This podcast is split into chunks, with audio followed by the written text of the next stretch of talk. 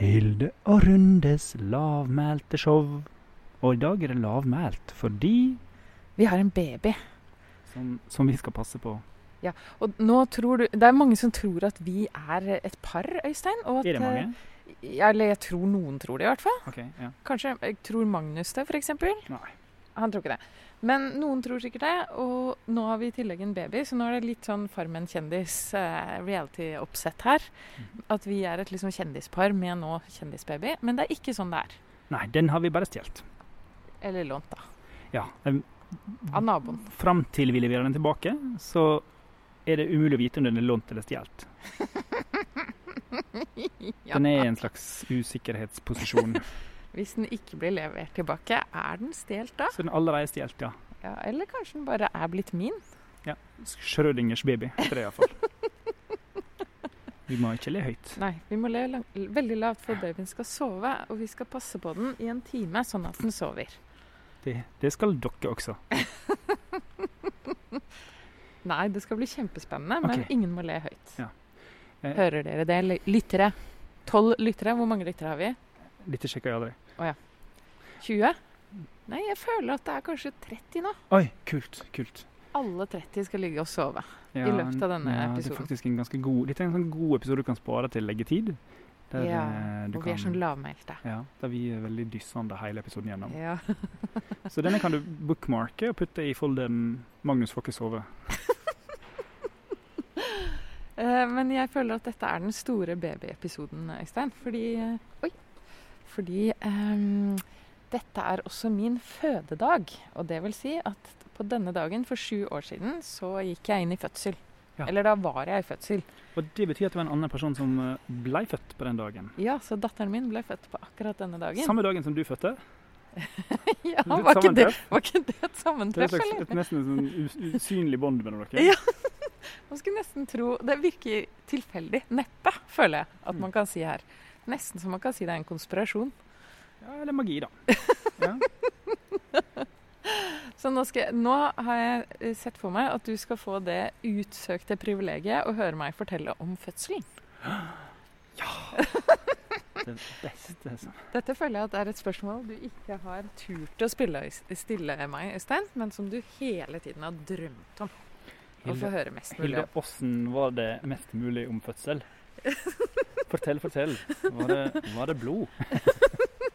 Det var visst mye blod, men jeg så ikke det blodet, altså. Nei.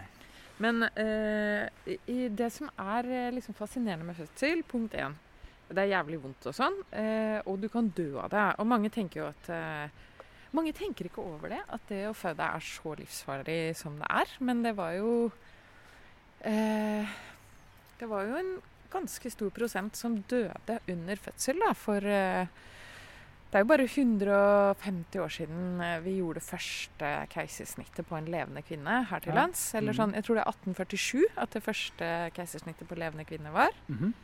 På begynnelsen av 1800-tallet så tok de vel ut barn av døde kvinner. Uansett. Ja, det gjorde de jo lenge før. Det var jo sånn det ble oppfunnet, på en måte. Eh, Eh, keisersnitt. Ja, det var jo han eh, keiseren av Persia som eh, ble skåret ut av mora Ja. si. Og hun var død, så det er, da var det ikke så komplisert. Nei. Det er komplisert med en gang du skal prøve å få mora til å overleve. Og det gjelder egentlig vanlig fødsel også. Det er ekstremt mye som kan gå galt. Hodet til barnet er veldig stort i forhold til der det skal ut. Og det er fordi menneskeheten har satsa så mye på hjernen Mhm. At vi får barn med veldig store hoder som ikke engang er ferdig utviklet. Altså Hjernen er jo ikke ferdig, ordentlig ferdig utviklet før man er 25. Hvordan er det med din eh, hjerne, Øystein? Følte du at du var ferdig utviklet når du var 25? Ehm, jeg så for meg det, men det var et tegn på hvor dårlig stelt det var. Følte du deg ferdig når du var 18? For det tror man jo ofte. Sånn 'Å, jeg er 18 år, nå er jeg voksen.' Men du er ikke voksen, for frontallappen er ikke ferdig. Nei, du, jeg var så frustrert, og alt var så forvirrende og kaotisk. Jeg tror jeg hadde en, en slags et avslappa forhold til at det her er her er det mye å ta, ta igjen. Her er det mye å gå på. Så jeg fant en viss ro i å tenke at liksom, nei, vi er ikke i boks ennå, på en måte. Du tenkte det når du var var 18 år? Ja, det var en trøst på en måte, å vite at man var ikke helt Ja, men, du kunne, men vi kan jo stemme, selv om vi ikke egentlig har hjernen til å vurdere alle konsekvenser av våre Mm. handlinger, så kan man jo stemme. Ja. Og Derfor vil disse ungdommene ha sånne grønne partier som vil skru av oljekranene våre og pengekranene. Og bilbåtene våre vil det ta. Og de vil slakte våre gamle. Her kommer pappaen. Hei. Hei, pappaen til Une. Una Marie. Hei. Du, vi prøvde å ringe deg, så fikk vi ikke tak, og så ble vi litt uh, stressa. Er det mulig at du har på telefonen? Ja, vi kan ta på lyden. Ja, kjempefint. Eh, vi bare, hvis hun våkner, kan dere ikke bare komme med en gang? Hun har jo ikke hilst på dere før. Det er ikke på meg. Ja, det er lenge siden. Hun husker jo ikke det. Er det forgårs? Ja. det husker jeg. Og jeg møtte Hilde møtte babyen i forgårs. Jeg skal gjøre det. Nå var du gjest på podkasten. Hva heter du? Eh, Jakob. Det var Jakob som var gjest. Mm. Eh, Nå har jeg på lyden, Jakob. ja, fortell mer om fødselen. Eh, ja, det var det med fødsel. Nei, ja. I Stort hode, ja. Eh, hodet er for stort. Eh, det er vanskelig å få det ut. Eh, min fødsel varte i to døgn. Så den begynte liksom oh, på søndag kveld, og så var, jeg- liksom var hun ute på klokka elleve om kvelden. Ti-halv elleve om kvelden på tirsdagen 19. august. For sju år siden nøyaktig. Eh, og det som er fascinerende, er jo selvfølgelig at det gjør jævlig vondt og er livsfarlig. Og det dør sånn 800 kvinner i året i fødsel. Over hele verden, altså. Mhm. Men selv i Norge så dør det Det kan skje at det dør i hvert, fall én, to eller tre kvinner i fødsel. Og da snakker vi med et av verdens beste helsevesen. Ja. Så er det fortsatt sånn at kvinner kan dø i fødsel. Og var du, Begynte du å lure på om du kom til å være en av dem? Det var jeg nesten sikker på, egentlig, på et Ja. tidspunkt. Jeg kunne ikke få sånn epidural. Epidural er jo da sentralstimulerende. Eh, du putter det rett inn i ryggmargen. Det hadde ikke jeg så lyst på før jeg fødte. Så tenkte jeg det hørtes ekkelt ut å putte en sprøyte rett inn. Så lang sprøyte, altså lang da, Ja. rett inn i ryggmargen. Så betyr fem centimeter for øvrig. Ja. Kjærlighet. Det tenker man at det er veldig ekkelt, men når du har så sinnssykt vondt, da syns du ikke det er noe problem, egentlig. Ja. Eh, Men de kunne ikke putte den inn, stikke den inn i ryggraden min med en gang, fordi jeg har prolaps i ryggen. Jeg har tre eh, prolapser i ryggen. Så de var sånn veldig redd for å mm, eh, treffe de prolapsene. Mhm. Ja. Og hva skjedde da? Eh, nei, de var redd for å åpne prolapsene oh, igjen. Ikke sant? Og at eh, alt skulle bli veldig ille for meg. At jeg ble lammet da, etter fødselen. Og det kan også skje Mm. etter en fødsel. Det har jeg hørt om. Men eh, til slutt, så liksom etter 24 timers enorme smerter, så kom han sjefsoverlegen Eh, på anestesi. Han kom og satte den selv, egenhendig. Sånn at det skulle gå bra. Sånn at det ikke var farlig. Og da ble jeg et mye bedre menneske. Da ble jeg lykkelig. Da kunne jeg snakke med folk, og da hadde jeg ikke lyst til å kaste meg ut av vinduet for å eh, liksom ta mitt eget liv, da. Var. Men heldigvis så hadde de boltet igjen vinduene på det sykehuset, for de visste at det var det jeg tenkte. Spesifikt, Var det fordi du kom, eller det jeg, jeg tror generelt at veldig mange kvinner vil tenke det, med så store smerter. Men det som også er veldig fascinerende, er at liksom mens man driver og føder, som er sånn ekstreme smerter, da kommer det folk inn, sånn jordmødre og alt mulig, og liksom stikker hånda langt inn i, du vet, kjønnsorganet ditt, Mhm. uten å spørre først eller noe sånt. Å ja, ja. De bare For da er det lov. Ja, da, gjør du det på tegneserieforeningens årsmøte? Nå har jeg plutselig fått en sånn karakter her. En tvilsom karakter. Ja. ja, men det er veldig rart, fordi det liksom Det er jo veldig intimt, da, vanligvis. Du ville jo synes det var veldig rart hvis fremmede folk kom og stakk eh, hånda opp i deg. Sånn. Kom med at det er alle mulige folk, liksom, også? Er alle med, alle med på nei, men liksom alle jordmødrene som kom. Det var liksom flere jordmødre og en fødselslege som var innom, og alle var sånn Ja, eh, stakk hånda oppi som om jeg var en ku. Ja. Og så bare kjente de etter. Hvor er barnet henne? Og så, og så gikk de igjen. Og jeg bare Men vi hadde noe spesielt her nå. og så bare går du. Tenkte du faktisk sånn? Nei. Nei, du har ikke den. Jeg tenker det etterpå. Ja. Du har ikke humor når du har så vondt, så har du Nei, faktisk har du, ikke har humor. du prippenhet? Var det liksom Var du Nei, nei, du tenker ikke det da. Nei, du da ikke tenker sånn du bare- holdt Nei, nei, nei. Nei, du tenker helt funksjonelt, liksom. Ja, de Ja. må jo det, for det, dette må ta slutt. Ja, ja, ja, ja, det er liksom det, det, det, Spørsmålet er liksom kunne de gjort noe annet? Kunne liksom kommet og sagt sånn Får jeg lov til å stoppe Ja, de kunne kanskje spurt, vet ikke. Men jeg tror ikke det liksom er så Ting går så fort plutselig og sånn. Jeg tror ikke de tenker sånn. Jeg tror de tenker bare Jeg må se fort hvor dette er. Ja, hun må ikke dø, barna må ikke dø. Ja. Det var de også bekymra for, da. At Liv skulle dø. Ja. Eh, For det varte jo veldig lenge. To døgn er ikke normalt. Hvor mange er det Eh, som jo holder da, det, er, det tror jeg ikke er helt unormalt, altså. Ah, okay. Også det ingen forteller deg vet du, etter fødselen. Mm. Fordi da har jo alle de indre organene har vært stokketom. Ja. Eh, for å gi plass til ungen som bare presser seg som en kjempestor svulst. ikke sant? Ja. Så alt blir stokket om inni kroppen, og du har nesten ikke noe magesekk igjen. Så alle driver og sier sånn Du må spise for to. Men det kan du ikke, for du har en bitte liten magesekk på slutten. Mm. Så du må bare spise liksom litt og litt. Da jeg spiste utrolig mye is, for det er lett å få i seg mye kalorier fort. Ja, ikke sant? Ja. Mm. Men Favorittis? Favoritt, det er, jeg tror Jeg elsker all is, jeg. Men sånn salt karamell er en eh, ja, fersk favoritt. Pistasje har jeg alltid elsket. Hva med deg? Nei, Var det noe spesielt etter akkurat pandemien? liksom? Nei, etter fødselen? Etter Var fødselen? noen, hadde du noen sånn smakssanser som Kom det tilbake vanlig smakssans, f.eks.? Var du sånn som spiste kalk fra veggene og Nei, det gjorde jeg ikke, plukka opp heldigvis. snegler fra bakken? Nei, det var det, å, det er jeg glad jeg ikke gjorde. Knuste skallet mellom tennene? Nei. Ja, men det jeg skulle frem til, var at etter at ungen var ute, og jeg hadde holdt på i 48 timer uten å spise, og gjort noe ekstremt fysisk krevende Mhm. Du kan bare forestille deg hvor sulten det går an å være da. Oh, ja. Plutselig har du magesekk med plass til, plass til mat, og du har liksom gjennomført et maraton på 48 timer. Og jeg husker da at jeg bare gikk inn i kantina på Ullevål sykehus, og så tok jeg et, jeg liksom tok to sånne tallerkener fra buffeen fulle. Så, to sånne enorme berg av mat, og så spiste jeg alt.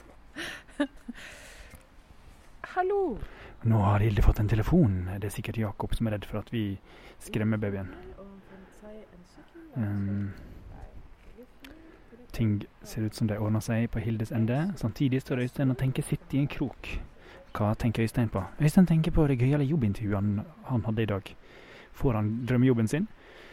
Kanskje ikke. Får han beholde drømmejobben sin, som er å være tegneserietegner? Forhåpentligvis uansett. Um, mer om Øysteins drømmejobb senere, for nå er til Hilde ferdig på telefon. Ja, hva forklarte du nå? Jeg hviska og tiska Om til meg at sjøl. de be bekymrede foreldrene. Ja, var det det?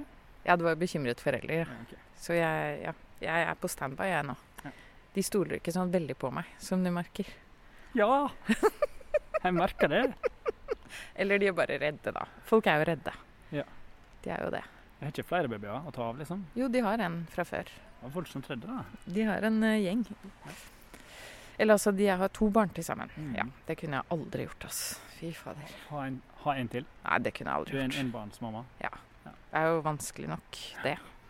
Jeg trodde jeg skulle dø når jeg fødte. Og jeg trodde i flere år etterpå trodde jeg skulle dø av søvnmangel, eller da jeg krasja i den broa fordi jeg hadde søvnmangel. Eller alle de andre grunnene til at man kan dø av å ha et barn. Ja. Eller bare fordi man er så redd. Dette var reklamen. Men, og en annen ting som var gøy etter fødselen, var at jeg skjønte at dette hadde vært mye mer traumatisk for min mann enn for meg. Å føde? Hmm? Å føde? Eller at du at Ja, å føde. Altså fø fødsel. Å se på fødselen. For det Å han. Å se på min smerte Ja. var helt forferdelig. For han var jo ikke i en sånn tåke. Jeg var i en sånn smertetåke i 24 timer, ikke sant. Mm. Mens han bare så på en annen person være i smertetåke. Ja. Og det var sånn, det snakket han om lenge. Det tror jeg du kan eh, få ham på glid på fortsatt. At det var sånn kjempetraumatisk. Ja. Å se på andre smerte. Og det er jo klart det at det liksom er bedre Det er egentlig bedre å oppleve smerten enn å se på andre smerte. For når du har smerten, så er, har du en slags kontroll. Men det å se på andre smerte er bare ekstremt sånn empatisk øvelse. Mm. Uh, ja. Som er veldig ubehagelig, da. Du får ikke gjort noen ting. Du føler deg helt hjelpeløs. Mens jeg tenkte jo Jeg kan jo bare dø nå, tenkte jeg. Så da er du jo ikke hjelpeløs.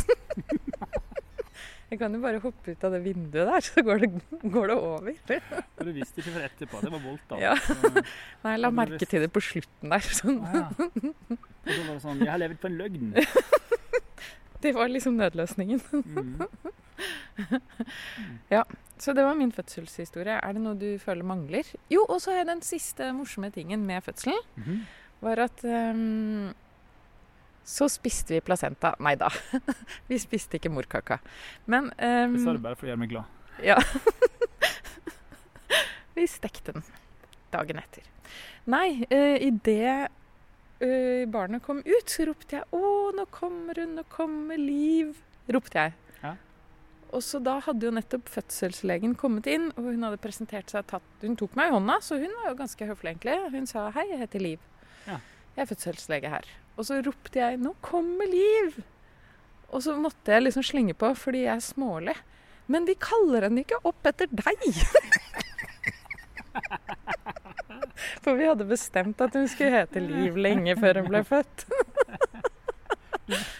Jeg ville ikke la fødselslegen tro det engang. Hun kunne jo liksom blitt varm om hjertet og liksom gått fra jobb den dagen og følt seg sånn glad og lykkelig. Enda en baby i mitt navn. Ja, ja.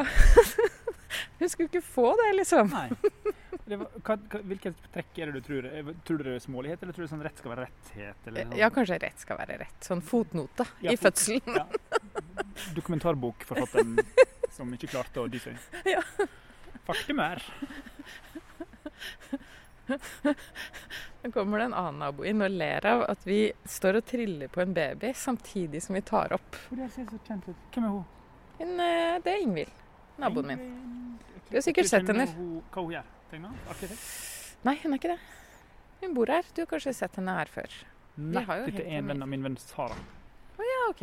Ingvild er fra Nord-Norge en plass. Hun er fra Nord-Norge. Det stemmer, det. Ja, sånn er det her i bakgården. Sånn er det her i bakgården. Alle kjenner alle Alle unntatt babyen. Som ikke kjenner noen. ja, Hun kjenner ingen. hvis den ser oss. Ja, det er ikke bra, altså. Hun kjenner jo foreldra sine, da. I begynnelsen av livet så er jo babyen Nå står vi her som et ekstremt bisart par, der den ene har mikrofon og headset. Og vi har ei hånd hver på rygginga fordi um, Vi er redd for at hun skal våkne, for da kommer hun til å bli redd for oss. Og vi kommer til å bli redde hvis hun blir redd. Så blir det mye skriking her. Tror du ikke det? Blir du stressa nå, Øystein? Nei, Får du lyst på barn når vi holder på, på det med dette her? Mm, det der eh, lide i to døgn-greiene er jo ikke sånn kjempe... Men det er jo ikke du som lider hvis du Nei. får barn. Det, det er et poeng. Empatisk lidelse. i to Bortsett døgn. fra empa- empatisk lidelse, sånn som Matt eh, måtte gjennomgå, da. Kanskje jeg er mindre empatisk enn Matt. Ja. Det kan være mitt uh... Hvis du har et hjerte av stein, så passer det fint å være med på en fødsel. Så smart. Hvis du er psykopat, så vil jeg tro at fødsel er noe for deg. Tror du Tror du det? Jeg tror det er sånn litt, litt kjedelig. Litt sånn ah, Nei, nå må den komme ut, da. Nå må det skje. Nå må det skje noe her. Ja, ja, begynner å dytte sånn hardt på magen. Mm, eller dra. Ja. ja. Gjør man noe sånn knuffe på toppen av kulen på magen? Nei, det gjør man ikke. Nei. Det tror jeg kan være farlig. Men Det er sånn- masse ting som kan gå galt under fødselen også, vet du. Nå må vi passe på ruggingen her, at det ikke blir sånn uproff rygging. Men det har sånn sugekopp som du suger Ja, da, så. Liv, jo, til slutt så satt jo Liv så fast at de måtte bruke tang og dra henne ut etter hodet. Tang, ja. Yeah. Og da ropte de 'nå trekker vi henne ut, eller så blir det keisersnitt'. Og det tenkte jeg at det gidder jeg ikke. Ikke etter så mye mas. Så skal, ikke, så skal det ikke liksom ende med sånn derre At de bare skjærer, skjærer et lite snitt og drar henne ut. Det blir for enkelt. Du, å ja, var det det som var tanken din? At Ja. du faktisk ikke gadd? Nei, men etter to døgn sånn hard, hardt arbeid, så, Så skal du du ikke bare Tenker du mer hardt arbeid er Ja. tingen for deg? Til det blir ferdig, liksom. Da skal du få uttelling. Det er litt som å gå nesten hele veien til Sydpolen, og så kommer det et helikopter og sier Hei, vil du bare, vil du bare sitte gått, på inntil? hvis, når jeg har gått nesten til Sydpolen, det er da jeg er mest keen på å få haik. Ja, men da kan du jo ikke si at du har gått til Sydpolen. Ja, Men nå ja. skal ikke jeg drive og snakke ned eh, kvinner som- har opplevd eh, keisersnitt. Da blir det sikkert sånn lesestorm. Ja, det blir lesestorm. Det blir Og sånn rasende. Folk blir- Lesebrev. At de skriver sånn 'Jeg tok keisersnitt', og det var ikke noe dans på roser. Det var ikke noe dans for roser. For det er sikkert ikke det. Nei, du må jo, det er et snitt gjennom, du må flytte under organene. Ja, Du så det er ikke- ødelegger for, også Det er mye lenger Og og så visste jeg det, det er mye lenger konvalesens på keisersnitt. Ah, Ja. For da skal du gro sammen igjen sånn mange muskellag, og bekkenbunnen blir mer svekket, og ja, det er masse dritt med det. Så jeg ville ikke det. Mm. Så akkurat det der med keisersnitt er ikke noe enkel løsning, det heller, altså. Selv om flere tar jo keisersnitt nå enn før. Mm. Men eh, det er gode grunner til det, da. Det er jo helt jævlig. Alt med fødsel er helt jævlig, og jeg skjønner godt at du vil heller ta keisersnitt. Kan vi, kan vi Snakke litt mindre om blod, eller Nei. blir du sånn Nei, nei, i dag er ikke sånn Nei, nei, ikke Var sånn det bare når du hadde vært vaksinert? Ja. Og ellers så liker du blod. Ja, syns det er helt fint. Du pleier jo å snakke Nei, du pleier å tegne masse indre organer og Mm, Ja, det ting som er inni kroppen. Så Ja. det virker jo ikke som du er redd for ting inni kroppen vanligvis. Nei, det var den ene dagen når jeg har sånn ja, Å ja. vaksinert. Så da fikk du en personlighetsforandring? forandring. Her er mikrochipen som setter seg. som Var det 5G? Mm, Eller G5? Eller hva det heter. Jeg har faktisk 3G, så jeg får bare sånn Jeg får bare spille Snake, og så får jeg liksom ringe med tellerskritt, og det koster 11 øre minuttet, så det er egentlig ganske dårlig. Dårlig vaksinert. Dår, dårlig av myndighetene, ass. Fy fader. Når de først skal mikrochippe deg, liksom. Nå stikker du av fra mikken, men Ja, men eh, av en eller annen grunn. Ja. Det er fordi jeg liksom skal sjonglere denne Det er lettere når du også triller samtidig. Mm. Fordi den liksom glipper ut mellom hendene på meg, den derre vogna. Blir du trøtt nå? Men sånn liksom, forklar. Eh, altså det, det som er med 5G og vaksinen, Ja. det er at eh, myndighetene har puttet noen mikroskip inni vaksinen som plukkes opp av 5G. Det der med at vaksine er lik 5G, er vel blitt et meme.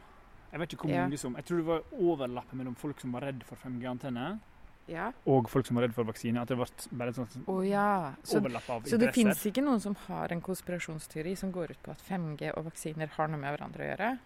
Jeg tror kanskje det var antydninger om det i starten, men det ble liksom så fort latterliggjort at det, ble en, oh, ja. det rakk å bli en vits før. Før det Før fast, sette liksom seg. seg. Ja. Ja.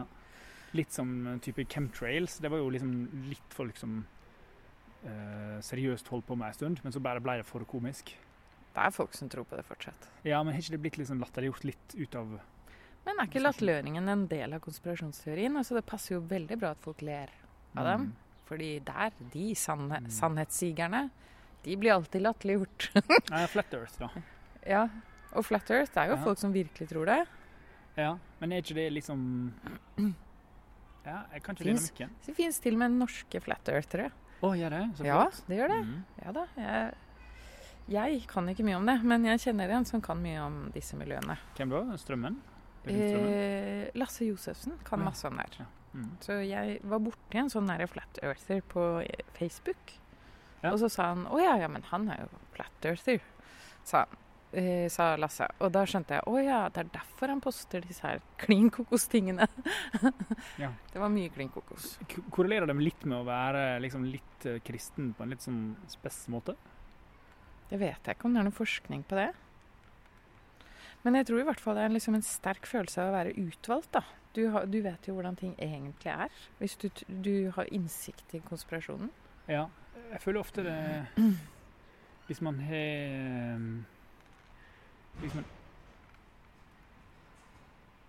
Ja, det er en slags trass. Trass mot alle. Ja. Og selvfølgelig den følelsen av at du er veldig kritisk og skjønner ting som andre ikke skjønner. Mm. Ehm, det er jo noen som er, liksom har skjønt noe med kritisk tenkning, men som ikke egentlig har lært seg hva vitenskap er, f.eks. For, for det er umulig for meg å være kritisk mot vitenskap sånn som de er, fordi jeg har lest eh, vitenskapsteori og vitenskapshistorie, så det er helt umulig for meg å snakke sånn som de snakker. Tror du det har med det å gjøre, eller tror du det er et sånt lynne, nesten? Altså, Ja, at det går an å lære seg, lære seg fri? ja. Jeg veit ikke. Altså, jeg bare tenker, For min del så virker det helt Men jeg tror jo ja, Mitt lynne er jo at jeg ikke tror på noen ting, da. Ja. Mm. Så jeg liker jo ikke sånn Jeg- Ikke noen ting som er kultisk, liksom. Jeg er liksom barneateist. Gikk Ja. rundt i kristen barnehage og, Gjorde du det? ja, og og var ateist. Hvor kom ateismen din fra, da? Bare- Ikke hjemmefra? mener, Nei, jo, pappa er jo ateist, mamma er kristen, så jeg har Ja. liksom hatt muligheten. Men eh, nei, jeg tror den er genetisk. Jeg tror Ja. det er bare lynne. Ja. Du ser jo twin studies, altså tvillinger, har vel ofte en tendens til å ha likt religiøst Å ja, OK. eh, Det var gøy. lynne. Det var gøy. Uh, ja, Twin Studies er vel berømte for å kunne bevise nesten hva som helst. ja, det er sant. Du kan bruke det til hva du vil. ja, Man skal være kritisk mot sånne studier også, selvfølgelig. Men det er interessant, da. Men, men det det er en ganske kraftfull biologisk komponent i eh, på en måte spiritualitet, religiøsitet. Men jeg tenker at jeg har veldig mye spirituelle, religiøse følelser knytta til kunstopplevelser. Altså at jeg kan Mhm. bli på grineren av å gå inn i en vakker barokkirke, f.eks. Mm. Ut, men, og det er en sånn følelse av storhet og sånn ubeskrivelighet, skjønner du. Mm. Eh, men jeg vet at det bare er knytta til den kunsten, så jeg blir jo ikke kristen av det. På en måte. Ja, Så den, men- jeg, jeg tror jo at den kunst liksom, Eller når jeg hører Sjostakovitsjs femte symfoni i, på, i et konserthus, da, Ja. hvor de kan spille ordentlig, så blir jeg helt på grineren. Og så Og frysninger over hele kroppen, og du får en sånn uendelighetsfølelse. Men det resulterer ikke i religiøsitet, da. Nei, Men jeg kanskje- tenker at det er den samme følelsen. Ja. Jeg tror kunst er at noen eh, Jeg tror religion er liksom en eh, evolusjonær fordel. Ja, Altså hvis du har ja det bringer oss sammen, da. Hvis du har 1000 stykk som er bare fornuftige ateister, og 1000 Ja. stykk som er helt blinde religiøse fanatikere, som skal slåss, ja. gjett hvem som vinner. ja, det er sant. Vi hadde tapt. Ti av ti tilfeller. Så det er de som bare driter i sitt eget liv fordi de skal til himmelen. Og det er 1000 som bare passer seg i egne saker og, Og syns det er litt teit. litt teit med slag. Ja. Og, og ikke har noen spes grunn til å samarbeide med liksom Jeg kan samarbeide med sine nærmeste ti, kanskje. Men 1000 det er helt idiotisk. Ja, det gidder vi ikke. Er det ikke Karsten Wolle har laget en veldig gøy eh, pasifistsekvens? Karsten Wolle, tegneserieskaperen. Jeg bare så det på Instagram nå. Eh, en fyr som skal bli Skal bli rekruttert til en hær. Han sier sånn Jeg vil veldig gjerne være med i denne hæren fordi jeg hater eh, Ja, jeg husker jo ikke ordet. det Jeg hater Arve. Arve er dritirriterende. Jeg syns han er stygg. Jeg vil gjerne slå han i kneet. Og så sier de ja, ja, ja, det skal vi hjelpe deg med. Og så kommer han til hæren, og så sier de nå, nå, gå ut og drep hvem som helst. Så sier han nei, nei, jeg er her for å drepe Arve. Dere har lurt meg. Og det er litt sånn det er å være artist også. Du, liksom, du kjemper ikke for det store prinsippet. Mm. Du bare Nei, jeg liker ikke han, liker ikke henne. Ellers kan det være det samme. Ja. Men jeg lurer på om og da tenker jeg at kunsten, kunstnytelsen kanskje er liksom connecta til det, da.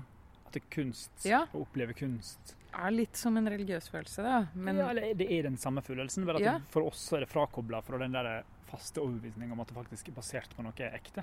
Ja, og at det er en liksom, god vilje der ute. Jeg tror ikke det fins noen vilje der ute, verken Ja. ond eller god. Og da, det, da kommer vi inn på konspirasjoner igjen, fordi konspirasjonsteorien er jo basert på den tro at det finnes en ond vilje der ute, og at det finnes flere som samarbeider om et Ja. ondt, med et ondt forsett. Og ja, det klarer- jeg ikke å se for meg, liksom. Ja, jeg, ja fordi at vi er liksom vi, vi er på en måte sånne som ikke klarer å ikke tenke at ting er meningsløst, egentlig.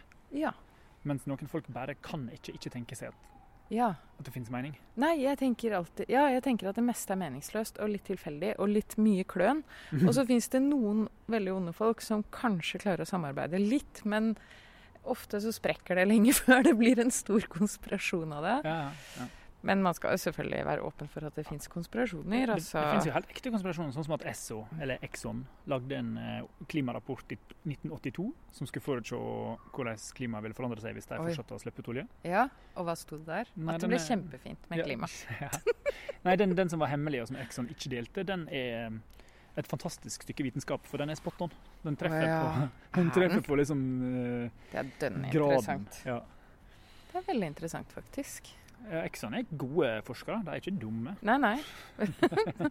og så skrev de den offentlige rapporten. Jeg vet ikke om det var en offentlig rapport, eller hva som var, men de, de visste akkurat hva de gjorde. Fra, oh, ja. i hvert fall fra 82, og jeg, tippet, jeg mener det var egentlig fra 77 første sånn ordentlige. Så den forutser liksom FNs klimarapport Ja, ja, i hva den sier Ja. at vil skje i verden. Så det er 'Limits to Growth'-boka, som kom i 1974, som sier akkurat det samme, og som jeg har hatt rett i 40 år. I, Mm. Ja. analysene. i- Ja, ja, ja. Ja da, og jeg tror jo ikke noe på at folk syns det virket eh, sunt å røyke på 50-tallet heller. Tror du ikke det? Nei, jeg tror ikke det. Hvorfor ikke? Det er sunn fornuft, da. Ja, men det Du kjenner jo at du blir sånn tungpusta og sånn. Ja, men- Men så liksom har de brukt mye propaganda på å vise at uh, røyking og friluftsliv hører sammen. Ja. og så har de skjult faktaene.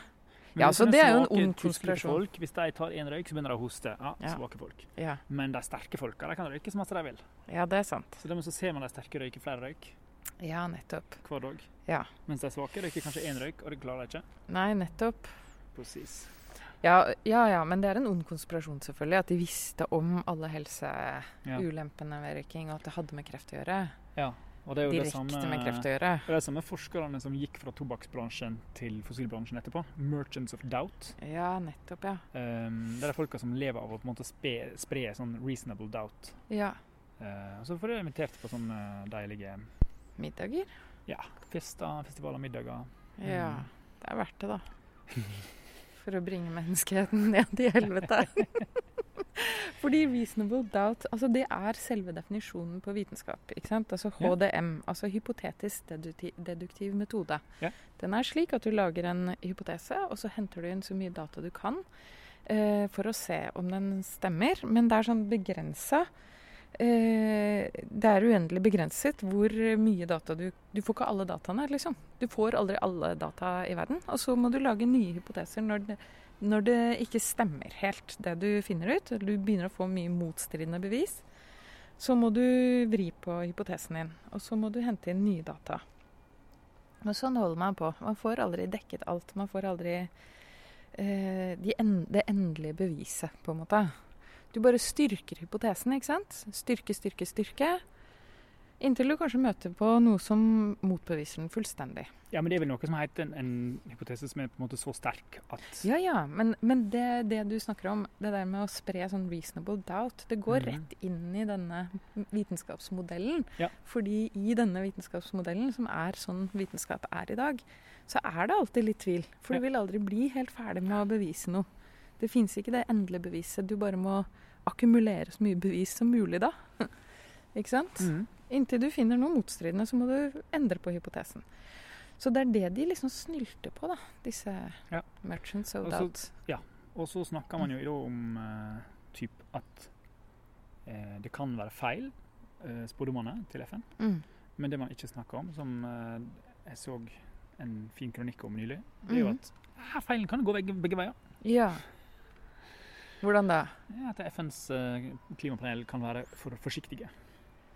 For forsiktige? Ja. Tror du de gjør det? Feilen eh, Ja, feilen kan jo gå alle veier. veier. Ja, selvfølgelig. Ja, den kan Jørgen. Randers, professor eh, tidligere BI-rektor, han har jo skrevet en veldig sånn enkel modell. Og han som var med å utvikle modellen i 1974 til Å ja. Growth. ja. Og han lagde en ny i 2020 som var sånn Her har vi lagd en enkel, en forenkla modell som tok med et par ting som ikke er tatt med. F.eks. Eh, effekten av at mindre sydpol mindre reflekterende flate av jorda. Ja, ikke sant? Altså mørkere planet. Ja. Rent optisk blir den da litt varmere. Tiltrekker seg enda mer sol. Eh, og ifølge vår superenkle modell så eh, Nå kan vi gå ut. Vi må gå bort fra Ja. han. Vi må bort fra en eh, motorsykkel, det forstår du sikkert. Ja, nå ga, ga den seg. Men skal vi kanskje gå nedover mot Ja, vi går nedover. Tøyenparken, da? Ja, vi gjør det. Eh, Som han? Hoppsa. Så Randers har da sagt, eller lagd en modell som kan tyde på at ting kan skli ut enda mer. Så er det masse klima... Ja. Ja. Men er det ikke det vi har sett i sommer, da? At ting har skjedd mye fortere enn det klimaforskerne trodde. Stemmer ikke det? Eh, kanskje, kanskje litt usikker. Jeg skal ikke uttale meg på vegne av en sommer. Å ja, men det er det For jeg er så vitenskapelig. Ja, men det er forskere fra ja, f.eks. Eh, Samset på Cicero. Bjørn Samseth. Samset. Ja, Bjørn Samset, som kommer med bok snart, forresten, som jeg gleder meg til. 2070, hvor han prøver å se for seg Han bruker all forskningen han kan. Han har sittet i FNs klimapanel og skrevet eh, rapport, og han prøver å beskrive all, alt det vi vet, og alt vi tror kommer til å skje frem til 2070, da. Mm, Så den skal jeg lese med stor interesse. Ja. Men han sa i sommer så sa han at dette har gått fortere enn de trodde. Bjørn Samset før i sommer, altså eh, 20, ja, før, før det han sa i sommer, så var Samset en av de forskerne som skjøt ned Randers sin rapport. Oh, ja, OK. Um, men Hva eh, var grunnen til det? Hva Nei, for jeg mente det var- var for uh, grimt og dystert. Oh, ja, OK. Men Men eh, han har skifta mening nå? det er litt guffent å tenke på. Er du, en, eh, er du en randersianer, da? Jeg er litt Randers-fan, ja. Jeg, jeg blir stadig paff over uh, Når jeg har liksom tenkt masse på noe, eller sånn sjekka ut et eller annet, og så sjekka hva han har Eller så har snubla over flere ganger at han har liksom vært 20 år ja. foran alle andre på ting. Men hvordan kom du over Anders, da? Møtte han på en festival. Hva gjorde du? Jeg satt ved sida Var Er du bestevenn med han? Jeg er bestevenn til Anders. Jeg satt på Zero. Hvor gammel er han? Han er Jeg husker ikke. Han var 26 i 1974.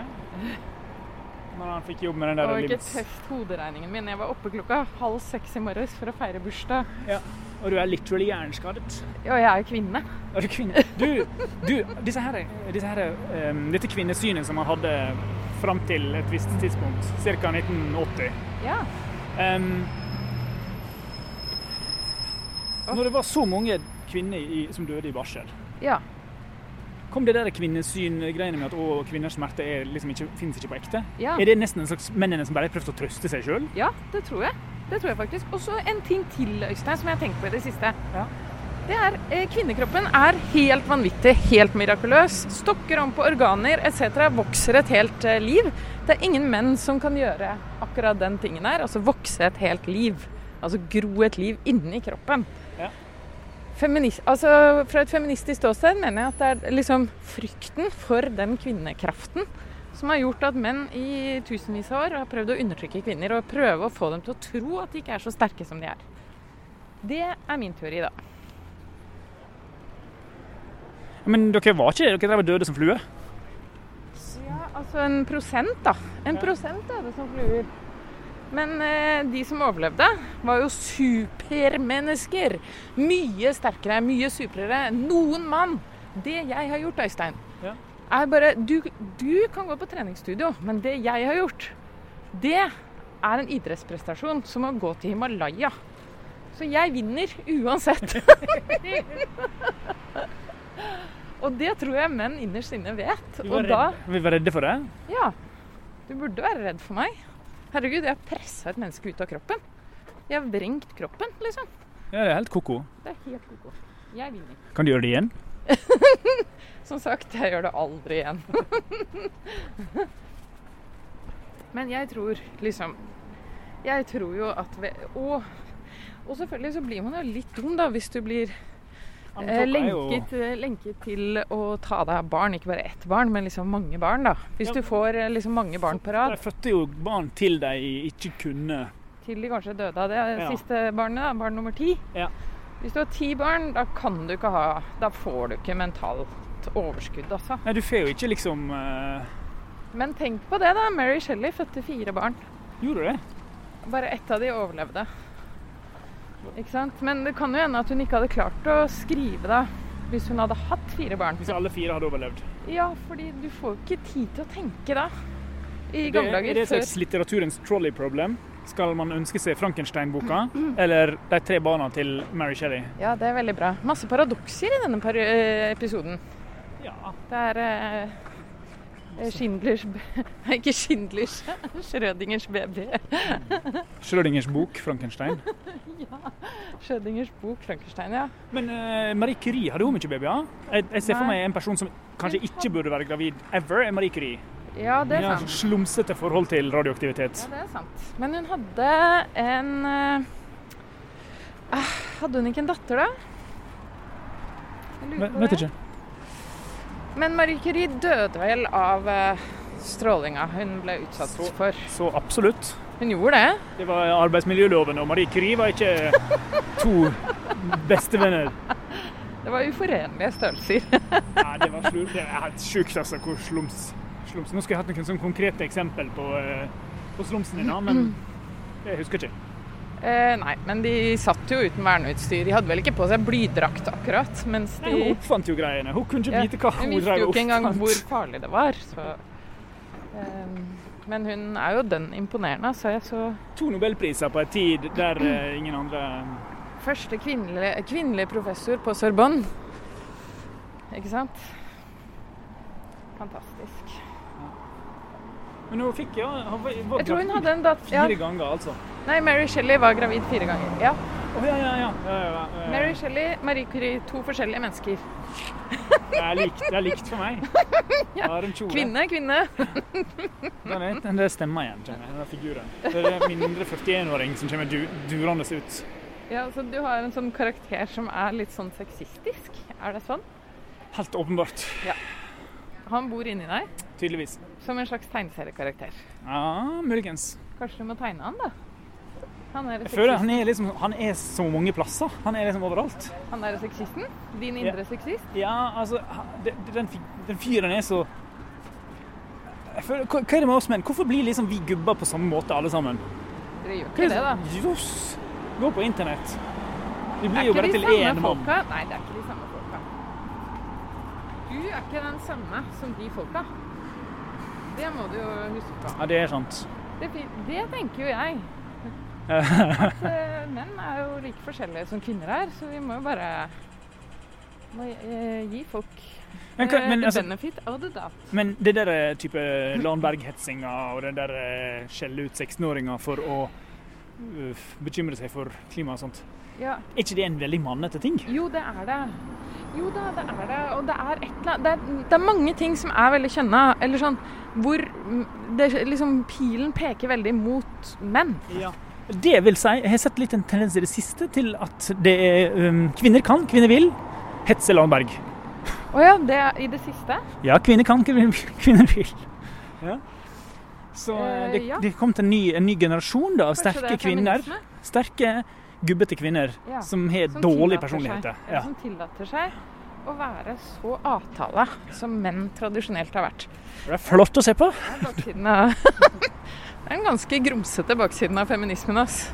Akkurat som en venn av meg som jobbet på den derre herregårdskroa i Frognerparken. Og hver gang det var Grete Waitz løp, så var han blå i rumpa. Fordi han hadde blitt kløpet så mange ganger i rumpa av middelaldrende kvinner. Så han følte at det hadde rett til, for de var feminister. Vent De, litt. de var femin... Var de med i løpet og sprang sammen med han? Nei, han jobbet på herregårdskroa. Så kom de, oh, ja, sånn, når de var ferdige å løpe, så kom de på herregårdskroa, drakk seg fulle og kløp han i rumpa. Høye som fuck på testosteron, for de har springet en Og maraton. på sånn, eh, en sånn forskrudd eh, feministisk teori som sa at dette har vi rett til. Årtusener med undertrykking. Nå skal jeg klype noen i rumpa. Nå Ja, er det min tur. Ja, det er jo en klassiker. Det er stilig, da. Hæ? Det er ikke ordentlig feminisme før vi behandler hverandre ordentlig, tenker jeg. Jeg tenker veldig mye Man kommer innmari langt i livet hvis man bare kan sånn vanlig høflighet. Du vet, ikke skjelle ut fremmede. Ikke skjelle ut folk i det hele tatt, egentlig. Eh, behandle folk eh, Alle folk like godt. Hvorfor skal du ikke le det, liksom? Hva er det du tillater deg hvis du ikke gjør det? Skjønner du? Det er bare så basic. Altså vanlig høflighet. Hva skjedde med det? Den lever i beste velgående, bare ikke på internettet. Nei, det, nei, ja, et eller annet skjer på internettet. Begynner man å se på hverandre som en type fiksjon? Ja, jeg tror det er dehumanisering på gang. Du, dette her er en ekstremt kaotisk lydlandskap. Er det? Ja, vi har trafikk overalt. Du får ikke ideell lyd. Øystein, når du passer en baby, så skal du bare være glad at den siste lyden ikke er en baby som skriker. Det liksom er en god sjanse for det nå.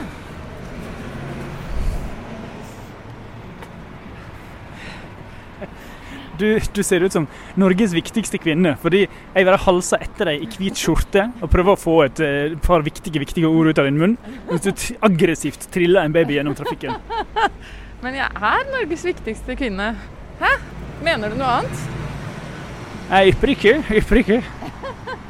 Tror du den rumpeklypinga ville skjedd uansett, eller tror du det er spesielt etter et fysisk krafttak som eh, Grete Waitz løp? Ja, det var kanskje det. Også all alkoholen. Også at man var i en uh, spesiell situasjon.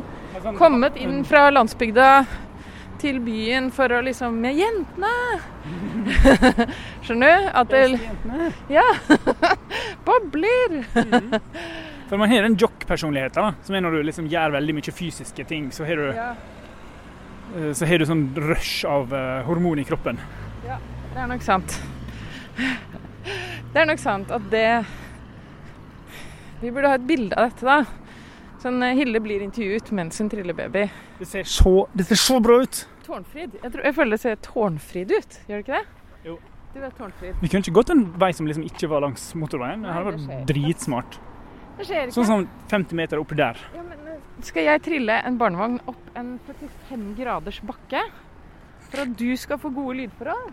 Nei, en 60 graders bakke. Og der er det i tillegg en trapp på oversiden. Du, vet du hva? Det å ha en barnevogn, det gjør at man blir veldig oppmerksom på hvor lite rullestoltilpasset denne byen er.